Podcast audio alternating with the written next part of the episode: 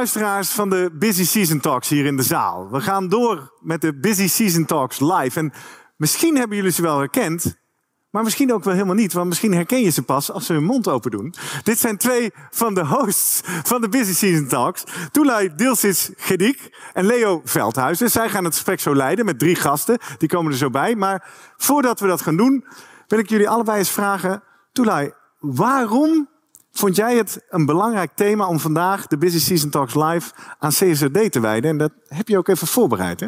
Jazeker, Gerrit, dankjewel. Uh, ik wil jullie graag meenemen in een korte speech die ik heb voorbereid voor deze gelegenheid. En uh, om jullie ja, te laten zien waarom dit zo belangrijk voor mij is. Uh, lente 2021. Opnieuw een alarmerend rapport van de IPCC over de opwarming van onze aarde. Mijn kinderen speelden in de tuin terwijl ik kennis nam van dit rapport. En gek genoeg was het geen voorpagina nieuws. Ik probeerde dat te begrijpen. Waarom bleven wij eigenlijk vastzitten in ons systeem? Waarom bleven wij winstmaximalisatie nastreven ten koste van onze planeet? En waarom lukte het ons niet om al onze slimheid, kracht en energie in te zetten om onze wereld te redden, ons thuis? Door abrupt te stoppen, op die rem te trappen, door stil te staan.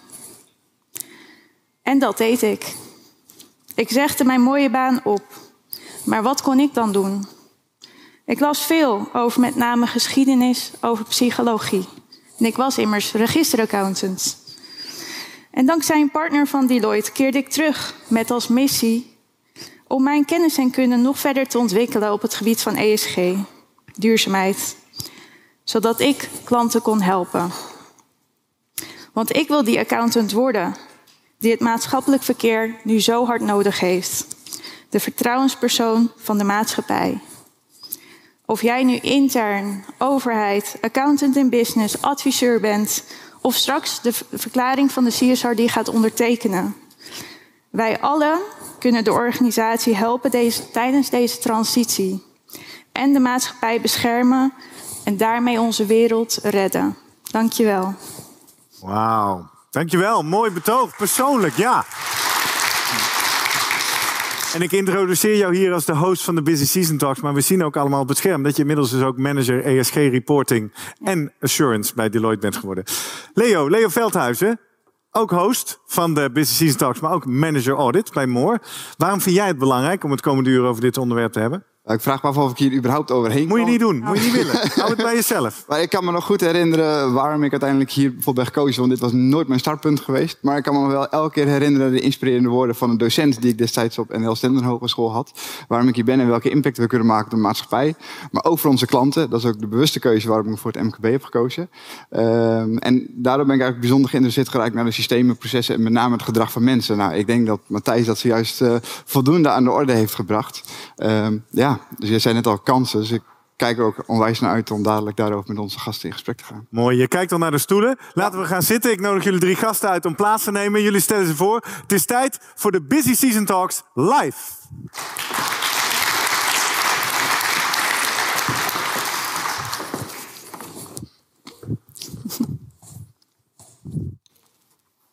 Nou, inmiddels hebben onze gasten ook uh, plaatsgenomen en ik uh, introduceer ze uh, graag aan u.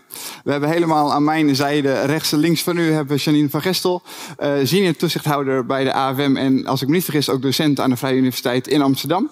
We hebben Steffi van der Bos, assistent professor bij de Tilburg Universiteit en jij hebt onderzoek gedaan ehm, ehm, naar de, rapporten van de grotere ondernemingen in Nederland, hoe zij op basis van maatschappelijk ondernemen daarop gaan. Daar gaan we dadelijk ook verder over praten. maar heb je onderzoek naar gedaan, wat de uitkomsten zijn, wat je bevindingen zijn. Erg interessant. En allemaal van, van Kersten, Head European Relations bij de Vereniging van Effectenbezitters. Misschien heeft dat ook nog een kleine toelichting nodig wat dat betekent. In de eerste plaats moet ik natuurlijk zeggen, wij zijn bij VEB verliefd op CSRD. Die scoort nou punten, begrijp ik. Dat u, dat u dat alvast maar weet. Uh, Head of European Relations, ik zal het heel kort zeggen. Wij willen bij VEB ook voorbij de grenzen kijken van Nederland. In het besef dat we in een wereld leven waarin, als het bijvoorbeeld gaat over ondernemen, wat er op ons afkomt, van buiten afkomt. En wij ook naar buiten moeten kijken. Dat is eigenlijk mooi. Mooi gezegd. En misschien heb je daardoor ook al een kleine intro gegeven op basis van het gesprek net. Maar een kleine primaire reactie op basis van de lezing die zojuist is gehouden door Matthijs? Nou, mijn primaire reactie is: ik ben bijna verliefd geworden op Matthijs. wat ik moet zeggen is, ik vond dat bijzonder impactvol. En wat ik steeds dacht, wat ik steeds dacht is, wij moeten er met z'n allen in slagen, en dat geldt dus ook voor VEB, om de boodschap die hierin verpakt zit, op deze wijze ook over te brengen op, en ik heb het nou over onze achterban, de belegger. Als we dat weten te doen, dan weten wij ook als belegger onze rol te nemen. En er is een grote rol te nemen door het beleggen. Mooi. Steffi, mag je ook vragen om een eerste reactie? Ja, zeker. Ik ben het nog steeds een beetje aan het laten landen, maar ik vond het bijzonder mooi. Um, en ik denk inderdaad dat we allemaal een rol hebben, wat onze functie, of, of we vader, moeder, eh, dochter, zoon zijn, dat ieder een rol speelt in deze wereld. En ja, met deze inspirerende verhalen raakt het me ook ja, echt in het hart, moet ik zeggen. En ik denk dat, je, dat dat een eerste stap is naar verandering. Want als je zelf, je kunt in je eentje je wereld niet veranderen, maar je kunt wel de wereld van één persoon veranderen. En zo kan de olievlek zich verder verspreiden. Misschien iets te filosofisch, of niet zo praktisch ingestoken als, uh, ja, als binnen mijn onderzoek. Maar uh, ja. Helder. Je voelt, je voelt hem al aankomen waarschijnlijk, Janine. Jouw eerste reactie? Zeker. Ik sluit me daar zeker ook graag uh, bij aan. Waar ik een, link met CSRD ook zie, is de brede stakeholderbenadering. Uh, we kennen van de MBA ook de nieuwe 3810N met wat stakeholdersgroepen. Uh, maar denk bijvoorbeeld ook aan de natuur als stakeholder te zien. En denk bijvoorbeeld ook aan volgende generaties aan stakeholder te zien.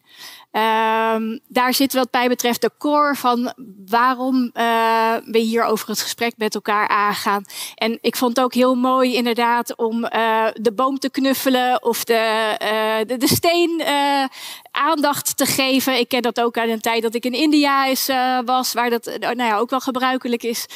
Um, door zelf in verbinding te zijn en kijken hoe je persoonlijk je steentje bij kan dragen. Ja, dat helpt ook om te kijken welk petje heb je op met welke functie, om het daarin tot uiting te laten komen. Dus ja, dat vond ik heel mooi eruit uh, naar voren komen. Mooi, dank en welkom. En we zagen net ook dat de helft van de zaal ongeveer bekend is met de Busy Season Talks. Dan weet je inmiddels ook dat je via de chat of, uh, of door het inbreken na een half uur ook uh, mag spreken. Ook je vraag mag stellen die je hebt. Dat mag vandaag ook. Dus na een half uur zetten we ongeveer de zaal open voor jullie. We hebben daarvoor een mooie catchbox. Dus die gaat rond. Dus jullie hoeven niet naar een microfoon te lopen, maar de microfoon komt bij u. Het is wel van belang om te weten om even goed in die microfoon te praten, zodat iedereen u goed kan horen. En het zou prettig zijn om naam en kantoor nog even te noemen, dat we ook weten wie de vraag stelt. Julij, mag ik jou uh, vragen om het gesprek af te trappen? Jazeker. Ik, nou, allereerst een geweldige opkomst ook om dit onderwerp met z'n allen te bespreken. Geweldig om de toezichthouder in de zaal te hebben belang, een van de belangrijkste stakeholders in de zaal te hebben. En een onderzoeker. Uh, en Steffi, je hebt natuurlijk een heel prachtig onderzoek gedaan uh, in deze context. Dus ik zou jou in allereerste plaats willen vragen of je daar iets meer context over kunt geven, zodat de zaal weet uh, nou ja, wat je hebt onderzocht. Ja, zeker. Het is altijd een uitdaging om een proefschrift van honderden pagina's samen te vatten uh, in, een hele korte tekst. Maar wat ik eigenlijk heb gedaan is gekeken hoe grote beursgenoteerde ondernemingen in Europa uh, omgaan met duurzaamheidsrisico's. Risico's, maar ook kansen. Omdat het niet iets is dat je binnen je internal control of je risicomanagement systeem daaraan over kunt laten en daar gaat managen. Het is iets wat werking, doorwerking heeft binnen de hele onderneming. Dus ik heb allereerst een kader ontwikkeld om duurzaamheid en duurzaamheidsrisico's te integreren binnen de visie, de strategie, je risicomanagement, samenstelling van je bestuur. Uh, dus verschillende onderdelen, zodat het als het ware in het DNA van de organisatie komt te zitten. En vervolgens dat kader ook gebruikt om een empirische studie uh, uit te voeren, data te verzamelen, uh, hoe dat die grote beursgenoteerde ondernemingen in Europa nu werkelijk daarover rapporteren en hoe ver zij daarin zijn. Waar daar nou de, wat de belangrijkste knelpunten zijn. Prachtig. Alsof je in een soort glazen bol kon kijken van tevoren en de CSR die aan zag komen. Uh, ik wil jullie ook graag even korte uh, context geven over de CSRD zelf. Want misschien dat uh, bepaalde luisteraars daar nog niet helemaal van op de hoogte zijn. De Corporate Sustainability Reporting Directive is natuurlijk, zoals net gezegd, onderdeel van de Europese inspanningen om klimaatdoelstellingen te halen, zoals in 2050 klimaatneutraal te worden. Organisaties zullen stappen moeten zetten door eigenlijk met name transparant te rapporteren over ESG-topics. Zoals bijvoorbeeld op welke wijze zullen zij uh, hun CO2-voetafdruk uh, verminderen. Uh, en eigenlijk om hun license to operate in stand te houden. Want zoals Matthijs net ook al aangaf, sommige organisaties die zullen wellicht verdwijnen als ze niet ehm, meedoen in de, in de transitie naar een duurzame wereld. Nou accountants kunnen en moeten hun cliënten en werkgevers daarbij ondersteunen vanuit onze maatschappelijke rol, maar ook vanwege het publiekelijke belang. Maar wij accountants zitten in een spagaat. Enerzijds omarmen we dit prachtige onderwerp en willen we hier natuurlijk het beste van maken. Maar anderzijds hebben wij ook heel veel zorgen. Zorgen, hoe gaan we dit in hemelsnaam doen? We hebben te maken met de krapte op de arbeidsmarkt. Uh, het is een nieuwe expertise. Het is zeer omvangrijk als het gaat over de uitwerking en de ESRS'en waar we uh, kennis van hebben genomen. Dus er zijn nogal wat uitdagingen. En Janine, ik was wel benieuwd op welke wijze de AFM ons gaat helpen in, deze, in dit avontuur. Wellicht kun jij hier uh, ja, iets over vertellen. Zeker, ja. Ik vind het wel mooi hoe je het brengt, hoe de AFM nou gaat, uh, gaat helpen. Er is ook wel eerder gezegd, de accountant is de redder van de wereld. Uh, nu moest misschien de AFM die de redder van de wereld wordt. Zo, uh, ik denk vooral dat we het met z'n allen moeten doen. zoals ik het eigenlijk net ook aangaf, zowel privé, privé als welk petje je op hebt. Heeft iedereen een rol hier op deze aarde om daar een bijdrage in te leveren. Maar zeker ook de, de AFM als autoriteit, financiële markten in, nou, met een scope op Nederland vooral.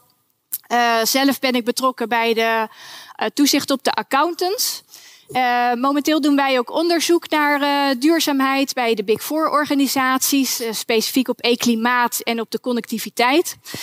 dat doen we samen met collega's van verslaggeving. daar is al een, een, publicatie ook voor naar buiten gekomen, waar eigenlijk drie kernpunten in, in stonden als, als oproep. Um, voor ondernemingen in het jaarverslag om helder te zijn in uh, de, de connectiviteit. Om de, de connectiviteit tussen niet-financiële informatie en financiële informatie duidelijk tot uiting te laten komen in het, uh, in het jaarverslag. Uh, ook de doelen die uh, behaald moeten worden. Nou, 2050 is al, uh, is al genoemd.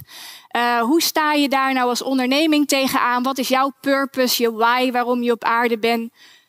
Kijken naar de stip en wat is je roadmap om dat te halen? Uh, en hoe vertaalt dat zich concreet in uh, targets, milestones? En hoe ga je daar daadwerkelijk ook aan werken dat er wat verandert? Um, en een ander onderdeel daarvan, we zitten in de, de CO2 uh, is een belangrijk onderdeel. Nou, daar heb je scope 1, 2 en 3. Uh, scope 1 en 2 ligt in de organisatie, scope 3 meer in de keten, maar daar zit vaak de grootste CO2.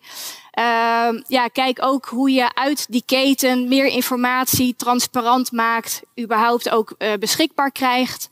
En, uh, en ook deelt, zodat dat weer transparante informatie aangeeft voor de gebruikers, brede gebruikersgroep, om daar uh, gebruik van te maken.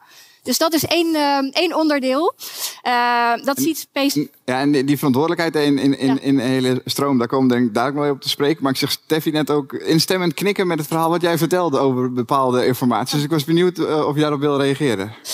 Ja, zeker. Er, komt, er zijn heel veel zaken die, ja, die uit mijn onderzoek volgen, die ook in lijn zijn met de, de rapporten van het AFM. Wat ik onder andere bijvoorbeeld zag in die rapportages over de jaren heen. Dus ik heb 2014 tot en met 2019 bekeken. Ook omdat er natuurlijk drie jaar voorafgaand aan niet alleen de richtlijn niet-financiële informatie, maar ook aanvullende richtlijnen van de Europese Commissie, denk aan het TCFD. Dus dat wordt een beetje als het kantelpunt gezien. Dus ik wilde eigenlijk ook zien, zit daar een, uh, een verandering, vooral vanaf 2017. En over de jaren heen zie je dat bedrijven wel steeds meer duurzaamheid zijn gaan integreren. En dat het vanaf 2017 ook wel vooral de achterblijvers zijn die een inhaalslag hebben gemaakt.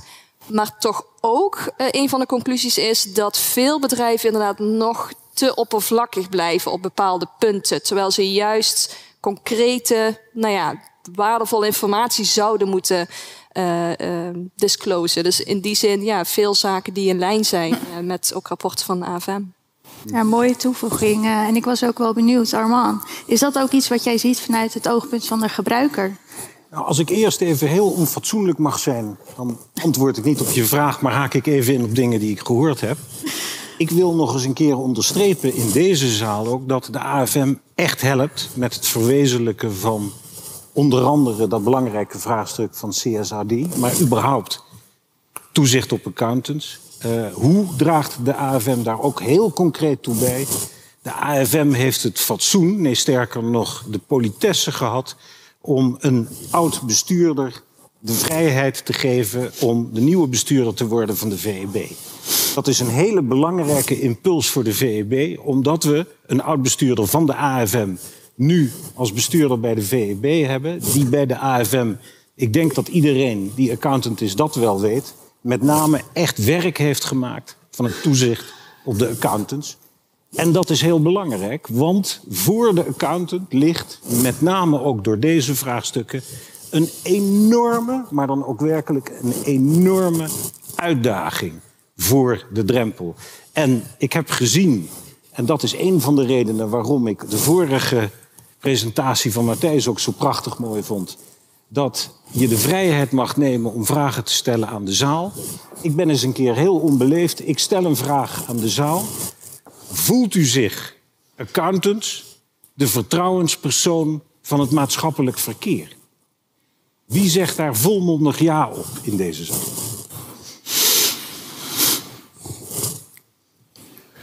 Ja, ook nog een groot gedeelte ook niet. Als ik een, als ik een schatting mag maken, zeg ik, ik, ik gok op ongeveer 50 procent. Kijk, laten we heel eerlijk zijn, dames en heren. Als beleggers nog wel eens een keer een klein beetje, ja, zal ik het noemen, moet ik nog harder schreeuwen? nee, want ik wil wel toegeven, ik ben ooit advocaat geweest en daar maakten we natuurlijk wel eens gebruik van wat we dan noemden onze courtroom voice. Maar dat zal ik u vandaag niet aandoen. Kijk, als beleggers wel eens een keer een klein beetje, ja, noem ik het nou eens, narrig zijn of een klein beetje ontevreden over accountants, dan is het omdat wij het gevoel hebben dat de accountant die relatie met de opdrachtgever, en dan ziet de accountant als opdrachtgever de onderneming waarvoor hij werkt, dat de accountant die relatie wel heel erg koestert. En op zichzelf is dat heel begrijpelijk, want het uitgangspunt moet natuurlijk zijn: wil je hebben dat de ondernemer de informatie die echt gevoelig is, wil en kan delen met de accountant, dan moet hij het gevoel hebben dat dat vertrouwen in die accountant gerechtvaardigd is. Maar juist in de problematiek die nu voor ligt, staat voor de accountant de echte uitdaging om daar ook echt werk van te maken. We hebben een heel mooi voorbeeld gezien in het niet al te lange verleden. Dat was de accountant EY, die bij Shell van klimaat een key audit matter maakte. Mooi. Ik zou willen zeggen, zo moet het. Ik heb net al gedeeld, dat was een sessie waarin we verliefd hadden moeten worden. En ik geef heel eerlijk toe, ik heb toen een beetje het, het, het feestje verpest. Want ik heb een pessimistische noot gekraakt. Dat was een pessimistische noot, pessimistische noot over CSRD. Maar ik trek hem iets breder. Wij hebben met CSRD weer eens een keer te maken met het fenomeen. We hebben een incident. Weet je wat? We verzinnen een regel. Zoals wij vandaag hier bij elkaar zitten. Zouden we ons wel eens kunnen afvragen, ik weet er zit één academische jurist vlak naast mij. Maar zouden we ons eens moeten afvragen als wereldgemeenschap. Wat is de belangrijkste regel, het belangrijkste normenkader dat wij als wereldgemeenschap menen ooit te hebben vastgesteld of bepaald? Wie heeft daarop een spontane antwoord? De tien. Dat is heel mooi. Ja, daar dacht ik niet meteen aan. Ik dacht echt meer het, het normerend kader. Wel inderdaad een heel mooi verrassend antwoord. Nee, het handvest van de Verenigde Naties. En zoals we nu met elkaar hier zitten. Wat komt er van het handvest van de Verenigde Naties als je ziet dat er gewoon een wereldmacht is die zich vrij voelt om zomaar een soevereine staat binnen te vallen? En dat is de pessimistische noot die ik kraak. Dat geloof in, we hebben het incident, kom met een regel. Daar moeten we veel meer met z'n allen aan doen om daar echt iets van te maken. Nou, ik geef in alle eerlijkheid toe, ik heb de vraag een beetje omzeild. Ja. nou ja, je zegt natuurlijk wel iets belangrijks. En, uh, maar, maar wat doet de FEP dan vanuit dit oogpunt? Uh, ja. Hoe vullen zij hun positie in om tegemoet te komen aan een betere wereld? Want een vraag die ik me wel eens stel is is, is uh, de kleur van geld wel donkergroen voor investeerders, bijvoorbeeld? Ja, nou, dat is een hele mooie vraag. Is de kleur van geld donkergroen? Ik moet natuurlijk meteen denken aan de greenback. Um, en dat klinkt wellicht alweer wat al te kapitalistisch. Laat ik het zo zeggen. Ik kan me die vraag voorstellen, want ik kan me sceptisch voorstellen in de maatschappij over de vraag: vindt de belegger Vindt de belegger duurzaamheid nou echt zo belangrijk? En jij hebt al gezien dat ik vaak zo onbeleefd ben dat ik een vraag niet beantwoord. Ik doe het nog gekker. Ik, draag de vraag, ik draai de vraag om. En dat is ook niet zo netjes, dat besef ik. Wat wij als VEB verwachten en vragen van de partijen die rapporteren, dat zijn dus de ondernemers in de eerste plaats, maar vervolgens ook de accountant, die daar een belangrijke rol bij heeft te spelen, is neem ons mee op die reis. Laat ons zien wat de duurzaamheid en de verduurzaming binnen jouw onderneming in concrete termen echt voor je betekent. En als je ons daarin meeneemt, natuurlijk, dan is er een plicht aan de kant van de belegger om ook het zijne of het hare te doen. En dus inderdaad to vote with your feet. En bijvoorbeeld bij die ondernemingen die dat goed doen, te blijven. Maar neem ons mee op die reis. En daar ontbreekt het nog veel te vaak aan. Maar Steffi, dat sluit volgens mij wel aan ook bij een van de uitkomsten van jouw onderzoek als het gaat over risk governance. Ja, of het startpunt, uh, denk ik misschien wel waar ik mee begon. Namelijk dat de duurzaamheidsrisico's vandaag de dag steeds materiëler worden. Nou, ik hoef je natuurlijk ook niet te vertellen in deze zaal uh, wat dubbele materialiteit betekent. Maar over de jaren heen zie je dat het niet alleen voor de samenleving van belang is dat ondernemingen die risico's managen. Maar andersom, dat het voor de onderneming zelf ook steeds meer van belang is. En ik denk dat daar de aandeelhouders waarschijnlijk ook steeds meer uh, aandacht voor krijgen. Dat dat het financiële consequenties kan hebben voor de onderneming als je die risico's niet managt. Maar je moet je er wel bewust van worden. Je moet ze in kaart brengen. Dus bijvoorbeeld ook de stakeholder engagement waar we eerder over hadden, is ook heel erg van belang, zodat je je ook ja, bewust bent en dat je ja, daar, daar transparant over bent. En dat wil niet alleen zeggen met de billen bloot, maar juist ook de kans geven dat, ja, dat je daar ook eventueel input op kunt krijgen. Dat je met je stakeholders rond de tafel kunt om samen ook de stap verder te maken en ook weer kansen te zien. Ja, je hebt onderzoek gedaan hè, binnen beursgenoteerde ondernemingen. Uh, op welke manier kun, uh, kunnen de grote ondernemingen de kleine ondernemingen straks helpen? Want die staan voor een uitdaging die nog helemaal niet bekend zijn met niet-financiële informatie. Dus welke rol hebben straks die, die, die grote bedrijven voor het MKB? Dat is een goede vraag. Nou ja, vaak hebben ze een hele belangrijke voorbeeldfunctie om juist het, het, het voortouw eh, te nemen, de karttrekkers te zijn. Uh, maar ik kan me ook heel goed voorstellen als MKB, als je de, bakkerij om de hoek bent, dat je denkt, ja, wat is mijn rol hierbij? En toch heb je ook als bakkerij om de hoek, kun je daar een rol in spelen. Maar ik denk dat het van belang is om binnen je eigen organisatie na te gaan. Waar ligt nu ook onze kracht? Waar kunnen wij een sleutelrol in spelen? Het moet mm -hmm. niet altijd een moeten zijn. Het moet ook inzien ja, wat voor kansen dat het eventueel brengt. Ja. Janine, ik zie ook al instemmend weer knikken. Ja, zeker. Um, ik wou hier graag op reageren, maar misschien nog eerst nog even op uh, Armand, die een oproep noemt aan, aan ondernemingen en misschien ook accountants. Neem ons mee. Nou ja, ik denk dat bij iedereen een, een, een steentje is om bij te dragen. Uh, en dus ook bij de beleggers en beleggingsinstellingen en VHB zelf. Om uh, daar ook zelf proactief in te zijn en te laten horen, de dialoog aan te gaan. Uh, en en behoeftes van beleggers te activeren op duurzaamheid. Dus wat dat betreft zou ik een wat meer twee-richtingverkeer willen, willen insteken. Wil je daar een antwoord op? Ja, nee. nee. Dat is een uitgestoken hand die ik heel graag aanneem. Ik zeg er wel bij, en dat moeten we met z'n allen niet willen en niet durven vergeten. Niet iedere onderneming, dat klinkt misschien heel gek wat ik nu zeg, en ik zeg er ook even bij, dat is misschien wel belangrijk om dat nog eens aan te tekenen. VEB kijkt namens een gemeenschap van voornamelijk particuliere beleggers vooral naar beursgenoteerde ondernemingen. Dus dat die, laten we zeggen, die nuancering breng ik wel aan. Maar wat ik wel gezegd wil hebben, en dat klinkt misschien heel raar, is niet iedere onderneming moet per se overleven, moet per se maar blijven voortbestaan. Dat besef moeten we durven aanvaarden. Dat is stap 1. En wie is dan we in jouw verhaal? Wat is langdurig? Nee, wat is dan we? Geef nou, we moeten dat dan accepteren met z'n allen. Maar zijn het dan jullie als beleggers of is dat de, iedereen? Ja, eigenlijk de hele wereld. Kijk, laat ik het maar zo zeggen. Dat is misschien een beetje een zijstap. We zijn met z'n allen en terecht heel bezorgd over big oil. Daar zijn we echt heel bezorgd over. Maar het kan niet zo zijn en het moet niet zo zijn dat wij met z'n allen daarom vinden dat die hele grote bedrijven die er nu zijn, maar blijven voortbestaan. He?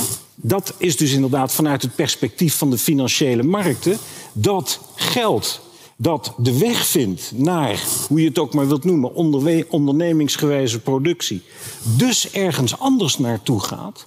Dat moeten we willen en durven accepteren. We moeten dus niet gaan zitten op allerlei hele vastgeroeste paradigma's van die onderneming is er voor de eeuwigheid. En dan vervolgens gaan dwingen dat in die ondernemingen stappen genomen worden die vanzelf maken dat die onderneming op de lange termijn niet meer rendabel zijn. Geen aanspraak meer kunnen maken op, dat, op die kapitaalmarkten.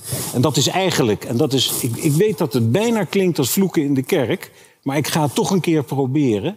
We moeten met z'n allen durven, met z'n allen durven accepteren dat wil een onderneming bestaansrecht hebben, bestaansrecht, ja, dan moet het maatschappelijk bewust, verantwoord handelend, uiteindelijk toch ook zorgen voor het maken van rendement. Daar kunnen we niet onderuit. En, en, je geeft net aan dat het ook wel in de, in de vezels moet zitten. Nou, ik denk dat Matthijs dat net ook wel heeft gezegd. Maar het risico bij de rapportage is dat het een soort uh, check-the-box gaat worden. Dat klopt. En dat, is, en dat is een heel groot risico. Ja. ja. Dat ben ik absoluut met je eens. En daar heb ik ook wel allerlei ideeën over. Ja. Kijk, dat is weer een beetje dat pessimisme met die regels die we hebben. Ja. Misschien willen we het veel te veel van formules en regels hebben en mm moet het uiteindelijk gaan om gedrag. En dat gedrag moeten we zien te beïnvloeden. En hey presto, wat is er nodig om gedrag te beïnvloeden?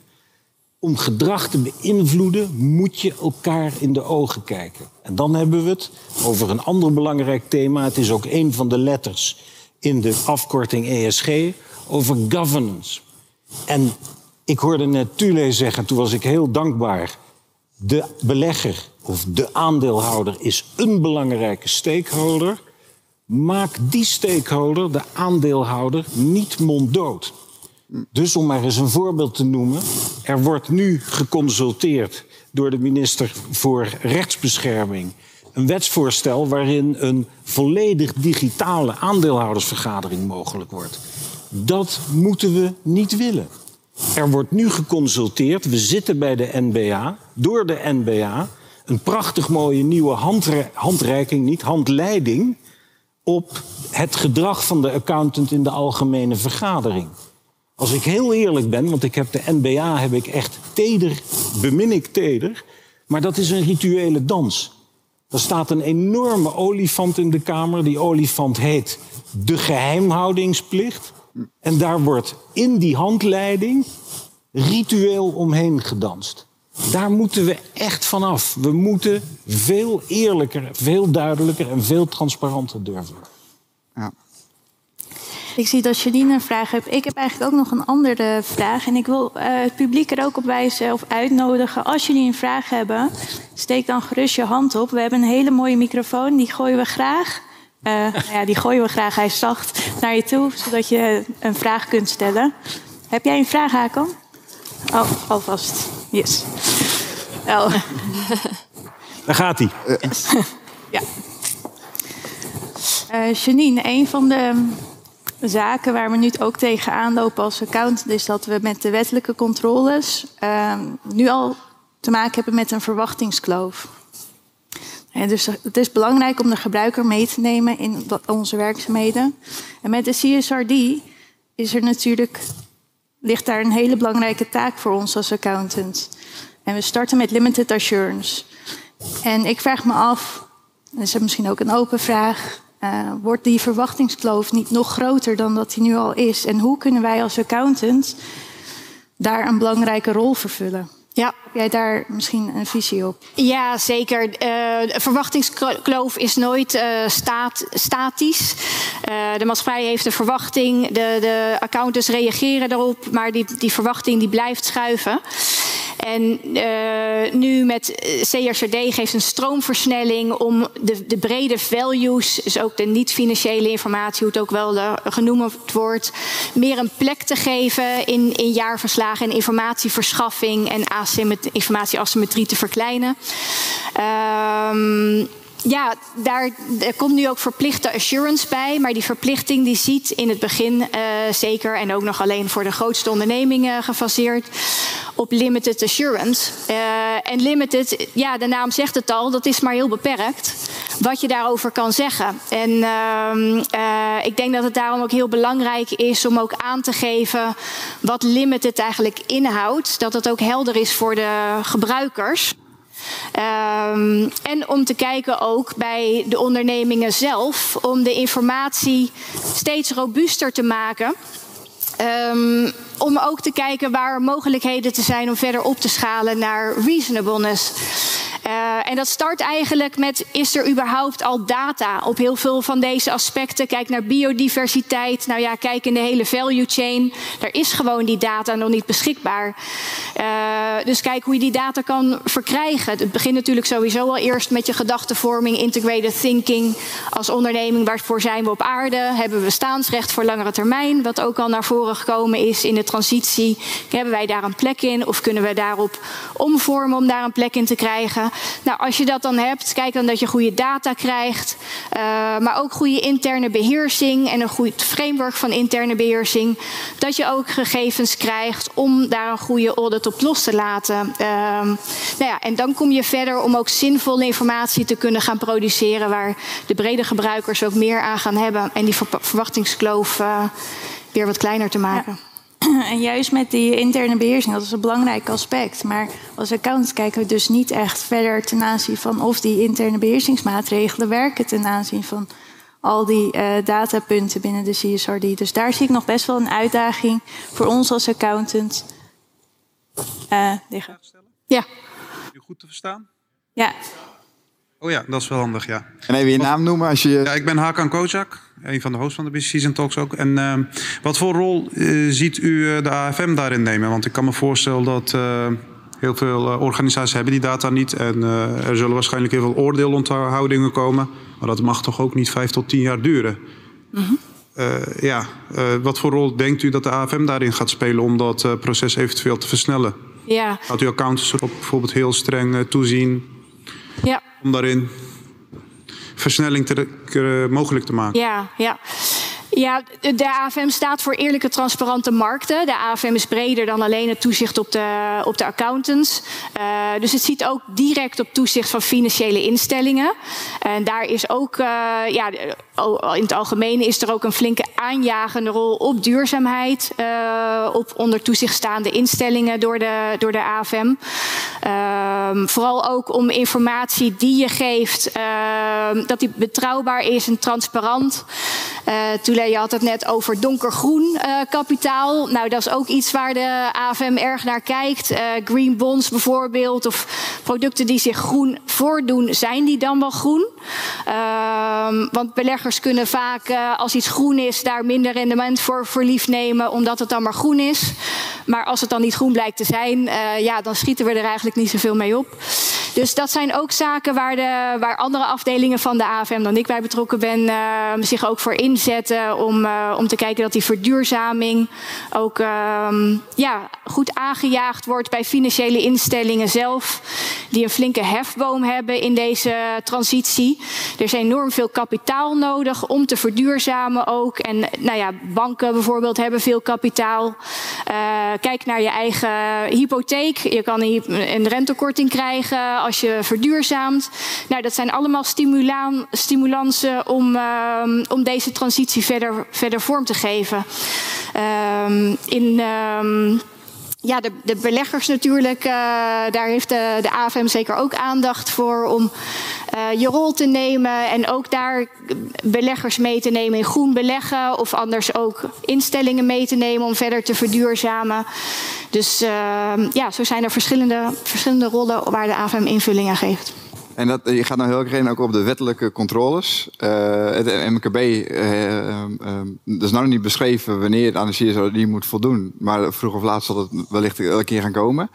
Maar het kan wel worden meegenomen in een grotere keten van uh, rapportage van beursgenoteerde ondernemingen. Op welke manier kunnen de, de accountants die in het MKB werkzaam zijn en niet zozeer voor beursgenoteerde ondernemingen, kunnen ook een bijdrage leveren en kunnen hun klanten gaan helpen? Ja, een hele relevante vraag, want je denkt misschien CRD start allemaal bij de grote organisaties, dat zit allemaal bij de Big Four. Uh, maar dat wil zeker niet zeggen dat, er, dat de CRD alles is. Uh, en ook vanuit de CRD komt er een weerslag naar MKB. Uh, MKB heeft bijvoorbeeld ook veel te maken met uh, financieringen. Nou, wat ik al net aangaf, uh, banken ehm, zullen ook meer de, de, duurzaamheid stimuleren. En met financiering zal MKB ook meer vragen krijgen eh, die duurzaamheidsgericht zijn. Uh, maar ook kan je als MKB-onderneming in de ketenverantwoordelijkheid zitten.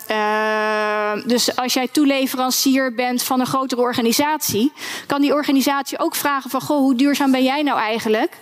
En als je dat niet bent of niet mee wil, voor jou tien anderen. Uh, dus in hoeverre be ja, beïnvloedt dat dan ook jouw levensvatbaarheid? Ja.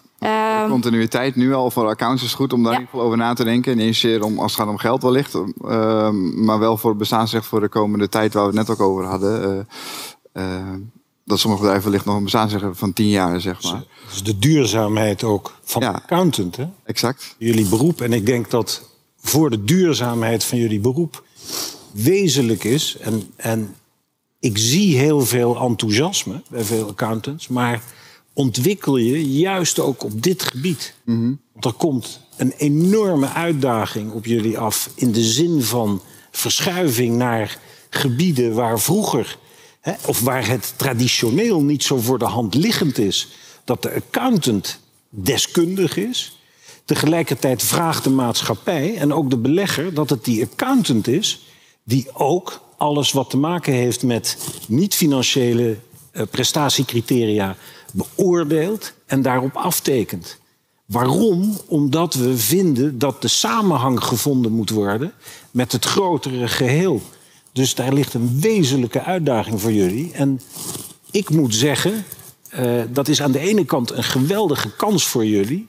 Maar tegelijkertijd besef ik ook heel goed dat dat allerlei elementen in zich bergt die best wel een beetje afschrikwekkend kunnen zijn. En, en daarom kan ik me voorstellen dat er een enorme uitdaging is in de sector, in het beroep, om jonge, talentvolle mensen te enthousiasmeren voor dit vak.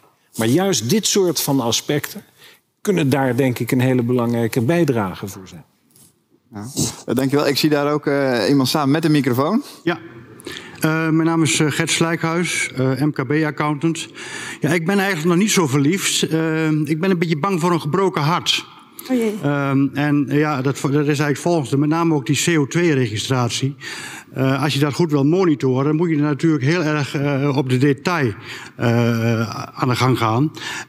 en dat betekent, en daar maak ik me grote zorgen om, gaan we niet toe naar een soort surveillance maatschappij en een teleurgang van onze democratie. Hoe kijkt het panel daarnaar? Aan wie zou je deze vraag willen stellen? nou, een van de, de dame van het AFM. Janine? Ja. ja. ja. Dat vind ik altijd wel interessant. Ja, bedankt. Ja, ik, ik, uh, ik kan de zorg heel goed voorstellen. Uh, ook als je kijkt naar de, de ESRS'en van de CSRD en de, de, de, pakken papier die op ons afkomen. En waar al die uh, eh, KPI's op, en, en datapunten op verzameld moeten worden. dat, dat zou enorm kunnen verzanden in, in een compliance gericht iets. Um, ja, ik denk, kijk dan in de kern nog even wat, uh, wat Matthijs, uh, waar Matthijs het net over had. Want daar gaat het uiteindelijk om. Uh, het blijkt wel dat die compliance en die regelgeving nodig is. Want nu komt er activiteit. Zonder dat, ehm, ja, gebeurde er eigenlijk niet zoveel. Zeker ook niet bij de accountants. Met financiële audits werd toch eigenlijk al genoeg verdiend. En ehm, waarom is er eigenlijk dan veel noodzaak voor zo'n vrijwillige assurance voor niet-financiële informatie. Nou, dat, dat zie je nu wel met die regelgeving. Daarmee komt er natuurlijk ook meer een noodzaak en urgentie. Um, ja, daar komt ook een hele stapel informatie bij om te verstrekken.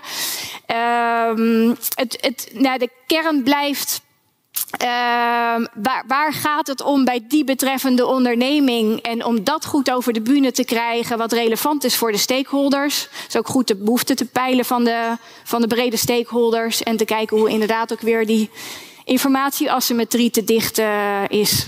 Ja, je weet hoe het gaat met dit soort regelgeving. Het wordt van kwaad tot erger. Hè? Dus, dus uh, ja, je begint ergens en je zegt wel, ja, we willen dat allemaal een beetje die compliance in de gaten houden. Maar ik, ja, je hebt mijn zorgen nog niet weggenomen.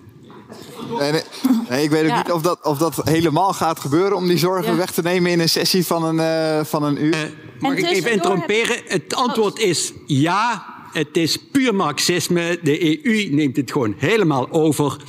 En het gaat van kwaad tot erger en het wordt niet beter. Dat is het eerlijke antwoord. En daar kunnen jullie niks aan doen. Maar dat is wel wat op dit moment aan het gebeuren is. En niet voor niks eh, wordt er in Texas een uh, proces aangespannen tegen BlackRock vanwege CRSD-activiteiten op de Amerikaanse markt, die daar als illegaal worden beschouwd. En de, de zorgen die zijn reëel. Het is niet het enige gebied waar de EU zich steeds breder maakt. Het is ook niet het enige gebied waar de EU neocolonialisme bedrijft en over de grenzen heen reageert. Dat reageert. Ja, dat denk ik ook. Uh, dank u wel. Uh, ik denk dat uh, de sessie net een beetje wordt gekaapt. Zouden wij graag de microfoon terug kunnen krijgen? Steffi, ik was eigenlijk ook nog wel bezoek, benieuwd, want er werd eigenlijk daarvoor nog wel een relevante vraag gesteld over zorg. En jij hebt natuurlijk in je onderzoek een hele mooie analyse gemaakt over harde en zachte wetten. Als ik het nou zo goed uh, governance. Zou je daar misschien nog wat meer over kunnen vertellen? Klopt, ja. Misschien om het toch nog heel even te linken wat hiervoor werd gezegd. Ik begrijp ook alle zorgen. Tegelijkertijd is de urgentie natuurlijk ook enorm hoog. Dus ik denk dat het is niet meer vijf voor twaalf. Het is denk ik twaalf uur geweest.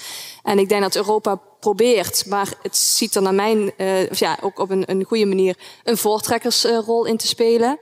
Um, hopelijk ook om, om de rest ook te inspireren. En Tuurlijk zou ik ook het liefst zien ondernemingen staan, die bestaan natuurlijk bij de gratie van creativiteit, om het zo maar te zeggen. Die komen met creatieve oplossingen voor complexe problemen. Dat, dat is wat een onderneming doet, waarde creëren. Dus het liefst zou ik ook zien dat die zoveel mogelijk geprikkeld worden om het op hun eigen manier op te lossen. Ik denk dat dat uiteindelijk de meest ideale situatie is. Maar in de wereld waarin we nu leven, zoals ik al zei, is het probleem zo groot. Klimaatverandering komt er niet aan, het is al bezig. Mensenrechten schendingen zijn er helaas al. Dus ik denk dat dat dat dat de noodzaak is uh, en die maakt dat we wat hardere regelgeving ook hebben. We hebben het hier natuurlijk over de CSRD, die ook een golf aan nieuwe regelgeving op het gebied van rapportages en transparantie met zich meebrengt. Maar natuurlijk ook de CS Triple D, die ook weer op andere punten wat hardere wetgeving invoert. En ik denk dat ja, de noodzaak die er nu is, wel maakt dat dat ook ja, nodig is om niet alleen de bedrijven te prikkelen, om de oplossingen uh, zelf te vinden en die flexibiliteit erin ook te hebben. Maar dus ook op de gebieden waar het nodig is, als het gaat om mensenrechten due diligence bijvoorbeeld, human rights due diligence, daar wat hardere regelgeving in te voeren, om te zorgen dat dat ook echt nou ja, wordt aangepakt in de kern en ja, een stap verder wordt gebracht. Mooie, mooie toevoeging inderdaad. Dat geeft ook wat handvaten. Ik zie dat uh, ondertussen de microfoon uh, bij iemand anders. Ja, Joost Kelderman uh, hier. Ja, um, ik denk dat het niet zo goed is dat we heel veel standpunten gaan delen hier uit de zaal, maar met name vragen stellen. Ja. En ik hoorde op een gegeven moment MKB, daar ben ik zelf werkzaam. En ik ben heel benieuwd, Steffi, je hebt onderzoek gedaan, specifiek gericht op beursgenoteerde ondernemingen.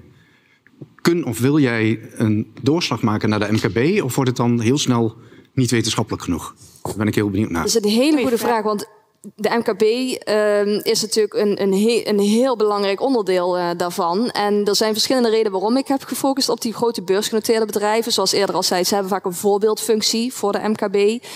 En het is natuurlijk ook vanuit praktisch oogpunt dat het mij een hoop data bracht. Want ik kon gebruik maken van die jaarverslagen. Grotere bedrijven hebben natuurlijk ook meer formele procedures. Zodat voor mij ook nou ja, in die zin uh, meer voor de hand ligt om daar onderzoek naar te doen. Maar zeer zeker ja, zal ook de vertaalslag naar MKB moeten worden gemaakt. En ik ben zelf inderdaad ook, ik zit binnen het Nederlandse ondernemingsrecht. Uh, dus naast die beursgenoteerde ondernemingen ja, zal ook zeker de vertaalslag naar het MKB gemaakt moeten worden, omdat die ook een hele grote rol spelen. Het maakt lastig om het onderzoek dat ik nu heb gedaan op dezelfde manier te doen bij de MKB-bedrijven. Maar ik zou heel uh, erg geïnteresseerd zijn om daar in de toekomst ook onderzoek naar te doen, hoe we juist MKB daarin kunnen helpen. Maar ik denk meer algemene plaatje en de algemene boodschap van waar doen we het nu voor? Dat geldt zowel voor grote, kleine, in welke sector dat je uh, ook opereert. Uh, het grote plaatje voor je te houden waar je naartoe wil. En ook wat het voor jouw onderneming betekent om die risico's te managen. Maar ik denk ook vooral te zien waar in jouw eigen onderneming de kracht ligt. En daar is natuurlijk deels de de nieuwe verplichting op het gebied van rapportage helpt daar ook bij. Niet alleen om transparantie te creëren voor de stakeholders, maar ook denk ik als een soort reflectie naar de onderneming zelf. Om te zien, wat doen we nu eigenlijk? Waar, waar zijn we mee bezig, bij wijze van? En hoe kunnen we die stappen maken? Dus ook om inzicht te krijgen hoe je de volgende stap kunt maken om daar ook nou ja, waarde in te creëren en te behouden. Ja, mooi gezegd. En de microfoon zag ik al wel heel voorzichtig naar het midden van de zaal uh, gaan. Ja, klopt inderdaad. Uh, Adrian Negas, Compagnon. Um, is het ook nu CSD er is voor de grote ondernemingen? Um, ik maak me wel. Um, ik kan me goed voorstellen dat er ook een stuk hè, naar de MKB gekeken gaat worden. Maar is het niet ook een gevaar dat het te veel gaat afgewendeld worden op het MKB? Kan je daar misschien iets over zeggen? Is wordt er niet te, straks ook niet te veel van de leveranciers verwacht van de grote ondernemingen en dat het daar heel veel op afgewendeld wordt? Dat zij het maar moeten gaan regelen? Hoe zien jullie dat? En aan wie stel je de vraag? Ja, en, Kijk naar mij. Volgens ja, ik zit klopt. half in het licht te kijken, sorry. um, of er veel op de MKB en de leveranciers wordt afgewendeld. Ik denk dat daar vooral, waar we het eerder ook al hebben gehad, die dialoog met stakeholders. Ik denk dat je het ook moet proberen samen op te lossen. Het is geen compliance uh, in hele strikte zin. Uh, ik denk dat het iets is wat, nou ja, niet alleen voor je eigen onderneming, maar ook zeker in samenwerking met je leveranciers, die data op tafel te krijgen. Uh, om samen ook niet alleen te voldoen aan de verplichtingen die er zijn, hmm. maar die vertaalslag kunnen maken naar die duurzame transitie. Nou, uiteindelijk gaat het natuurlijk om een groter geheel, dat we wat beter letten op de wereld en beter op elkaar. Dus als we het met z'n allen intrinsiek zo harder gevoeld, dan is misschien dat nog veel minder nodig, al die regelgeving. Janine? Ja, en ik denk daarin de rol voor de MKB-accountant om vooral ook uh, liever vandaag dan morgen het gesprek aan te gaan, een dialoog met de onderneming uh, over die transitie en over uh, je, je, bedrijfsmodel. Hoe past dat met de ontwikkelingen in duurzaamheid? Uh, hoe is je toekomstbestendigheid? Ehm, en, en, en waar, zijn, waar is ook je, ja, je, je interne gegevensbehoeften verder op aan te, aan te sluiten als je dan je businessplan inderdaad uh, uh, helder hebt en toekomstbestendig hebt. Ja. En dat, dat soort gesprekken, ja, daar kan de, de AFM dan, of daar, daar, sorry, daar kan de accountant dan ook wel weer een hele goede hefboomfunctie in hebben. En die natuurlijke adviesfunctie, die leent zich daar uitstekend voor, wat mij betreft. En ik zag de microfoon al naar de buurvrouw gaan. Ik kijk ook even Gerrit aan. Zijn er online nog vragen gekomen? Nog vier minuten. Zeker. Dus dit is de laatste vraag vanuit de zaal. Dankjewel. Hebben we goed gedaan. Uh, mijn naam is uh, Malika Benslam. Zou je nog iets dichterbij willen houden? Ja, mijn naam is Malika Benslam. Ik heb net een heel mooi verhaal gehoord over interbeing hè, en over voelen. En ik hoor, heer, ja, hoor nu eigenlijk heel veel termen die met name uit het hoofd komen en niet uit het hart. Um, als ik de aarde zou zijn en nu een stem zou hebben, zou ik me afvragen uh, waarom jullie uh, de aarde bekijken als een afzonderlijk element, terwijl een aarde ook onderdeel uitmaakt van een gigantisch stelsel. En kijk alleen al naar de stikstofcrisis. Hè. Het meeste komt eigenlijk ook door komeetinslagen. Dus ook als wij ons bezighouden op de aarde, dan vind ik dat we ons te veel beperken op dat ene kleine element, wat eigenlijk onderdeel uitmaakt van een veel groter geheel. Dus moeten wij als accountant ons vak niet verbreden door de verbinding te zoeken met de mensen die daar ook hun beroep van gemaakt hebben. Ja, kan ik daar uh, Janine of Armand het woord voor geven? Ja, ik durf nooit te spreken namens accountants, want ik ben geen accountant. Um, en ik moet zelfs bekennen dat ik vanmiddag heb zitten bedenken dat ik ook nooit. En dat bedoel ik overigens helemaal niet negatief. maar dat ik ook nooit verliefd ben geweest op een accountant. Um, dus dus het, is, het is niet zozeer aan mij om daarop te antwoorden. Mijn gevoel zegt overigens absoluut. Absoluut. Maar mijn gevoel zegt ook de accountant die tot het besef komt wat u daarnet zo mooi verwoordde, die zal ook veel beter in zijn of haar rol staan, in zijn of haar relaties tot, of het nou inderdaad MKB-klanten zijn, of het beleggers zijn, dus inderdaad die maatschappij ook daadwerkelijk dienen. Veel beter. Dus ja, jongens, maar dat, kijk, dat weten we allemaal. Als ik even de amateur-psycholoog ga uithangen. De dingen die wij omarmen met ons hart, daar maken we ons ook sterk voor. En daar doen we iets mee. Dus ik ben het er volmondig mee eens. Maar ik wil, ik wil wel nog hier het pleit bezorgen voor. Doe met z'n allen aan educatie. En doe met z'n allen ook, dat is echt een opdracht die we hebben voor de wereld. Aan educatie op dit soort van vraagstukken. Hoe zijn wij met z'n allen verantwoordelijk voor onze toekomst? Dus daar wil ik best een pleit voor bezorgen. Maar hoe accountants zichzelf moeten opleiden, dat kan en, toch beter en Armand, hoor ik, overlaten. Hoor ik nou ook een beetje zeggen tussen de regels door... dat de accountant een hele geschikte partij is... om de uh, verklaring af te geven bij de reporting die er straks gaat komen? Dat heb je me horen zeggen, maar dan zeg ik er wel bij... dan verwachten wij van die accountant... en dan spreek ik weer namens beleggers dan verwachten wij dat die accountant niet met mail in de mond praat. En wij verwachten dat die accountant ook daadwerkelijk zich op dit gebied bekwaamt. Maar ja, wij zouden heel graag zien dat het de accountant is. Die ook de verklaring geeft en dus het onderzoek doet naar alles wat te maken heeft met de niet-financiële prestatiecriteria. Absoluut. Wat mooi, wat mooi. En ik zie de klok ook in, uh, in mijn ooghoeken zie ik ook uh, wegtikken. We hebben nog uh, 30 seconden. dus eigenlijk zou ik jullie alle drie nog even één vraag willen stellen. Eén laatste tip, één laatste toegift aan al onze gasten die hier, die hier zitten. Janine, mag ik met jou beginnen? Ja, er werd net eigenlijk gedoeld ook op de vakbekwaamheid van de accountant. Volgend jaar is, uh, PE, uh, is, duurzaamheid verplicht PE-onderwerp. Uh, daar zitten veel vrijheden in. ja, ik denk neem ook vooral daar je ownership in. Wat past bij jouw werkomgeving en hoe verdiep je je nou daadwerkelijk in die duurzaamheid? waar liggen je eigen grenzen en waar moet je deskundigen inschakelen? ook dat vraagpunt is hier weer heel, heel actueel.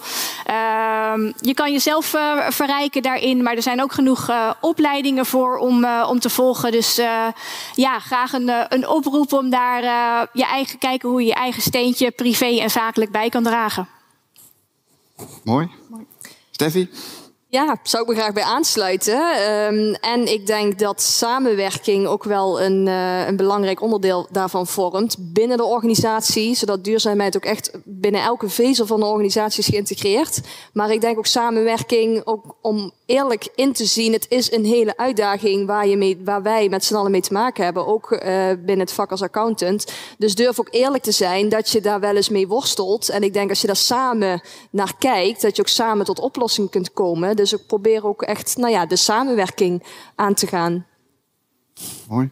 Ja, ik kan het niet beter zeggen. Ik kan hooguit zeggen, vanuit mijzelf gesproken, toon aan de samenleving dat zo'n overweldigende meerderheid van jullie beroepsgroep voelt dat jullie de vertrouwensman van het maatschappelijk verkeer zijn.